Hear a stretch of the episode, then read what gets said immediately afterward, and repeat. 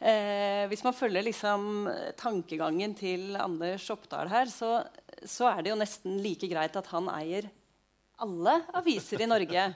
Fordi egentlig er jo motstanderne der ute. Og det betyr at mediemangfold i Norge er jo på en måte bare at vi klarer å eh, være liksom Lage modeller og et eller annet overordna eh, mediekonglomerat som kjemper mot de. da.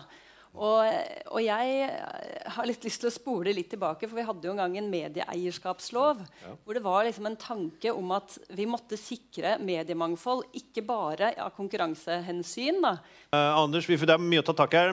Ta medieeierskapsloven uh, først. Uh, det var jo en del politikere som forsøkte å blåse i gang en diskusjon om den loven skulle vekkes til live. Det var altså en lov som regulerte et mediemarked slik at ingen kunne eie da, mer enn en tredjedel i, i det markedet. Uh, er det en god idé? Nei. Men, men, men, men og, og, og, skal man begynne å ha den type diskusjoner, så må du i hvert fall legge til grunn helt andre parametere og metrikker enn det som lå til grunn sist man hadde den type regulering. Det er ikke relevant eh, på samme måte i, i dagens, dagens, medievirkelighet. Men så vil jeg bare si om, om dette med eierskap isolert sett. Altså, uh, Mari, det, det, det, her må du tro meg på. Det er ikke, det er ikke noe det er, no, det er ikke noe, mål i seg sjøl for Amedia å eie mest mulig. Men det er veldig høvelig for oss å ha mange å dele kostnadene med vi skal gjøre ulike løft. ikke sant? Og Derfor har vi satsa på, på, strategiske partnerskap. Samarbeidsavtaler med, med Trønderavisa, nå med Hamar Media osv. De inviteres inn, og vi kan dele på, på, på, utgifter og dele på verdien av det vi eh, investerer i, i, i, fellesskap. Man kan jo tenke at eh, design det er på en måte noe eh, som har med utseende å gjøre, som ikke griper inn i journalistikken. Men det kan gripe dypt inn i det redaksjonelle prosjektet. En av de tingene som vi ved å få økt innsats innsikt eh, hos leserne i vårt land, var jo at eh, man syntes at avisa var for tabloid. Altså I en tid der det er mer polarisering og mer fragmentering, eh, og det gjaldt også Kristen-Norge, så ønska man mer nyanser, mer langlesing, eh, overskrifter som ikke var tabloid, men som viste, viste nyansene. Eh, og da gikk, begynte vi å gå en vei der. Eh, og så kom jo da konsernets behov for strømlinjeforming eh, som gjorde at nei, vi skulle ha det samme designet som Dagsavisen, som altså hadde et helt annet journalistisk prosjekt.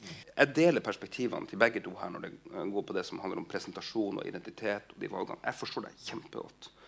Men så har du én dimensjon til, og det går på data og pålogging. Vi beveger oss nå inn i et digitalt annonsemarked hvor tredjepartskukken faller bort.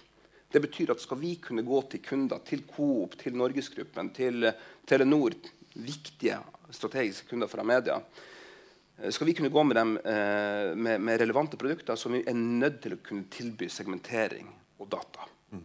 Eh, det kan du ikke gjøre take for take Det må du gjøre på tvers, og det må du gjøre i partnerskap med alle. Ellers så sitter du med for dårlige data. Mm. Så eh, Der er strukturelle dimensjoner også med å ha felles eh, teknologivalg som ikke handler om å få ned kostnadene, men som handler rett og slett om å utøke muligheten til å kunne vinne en konkurranse, f.eks. i annonsemarkedet.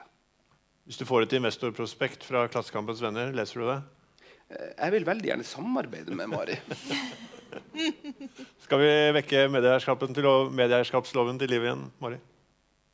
Jeg syns at jeg syns i hvert fall at det bør være liksom noe politikere er opptatt av. At de har fjerna en del av det. Og nå har vi jo en uh, oppkjøpsivrig konserntopp her som, eh, som sier at den er utdatert.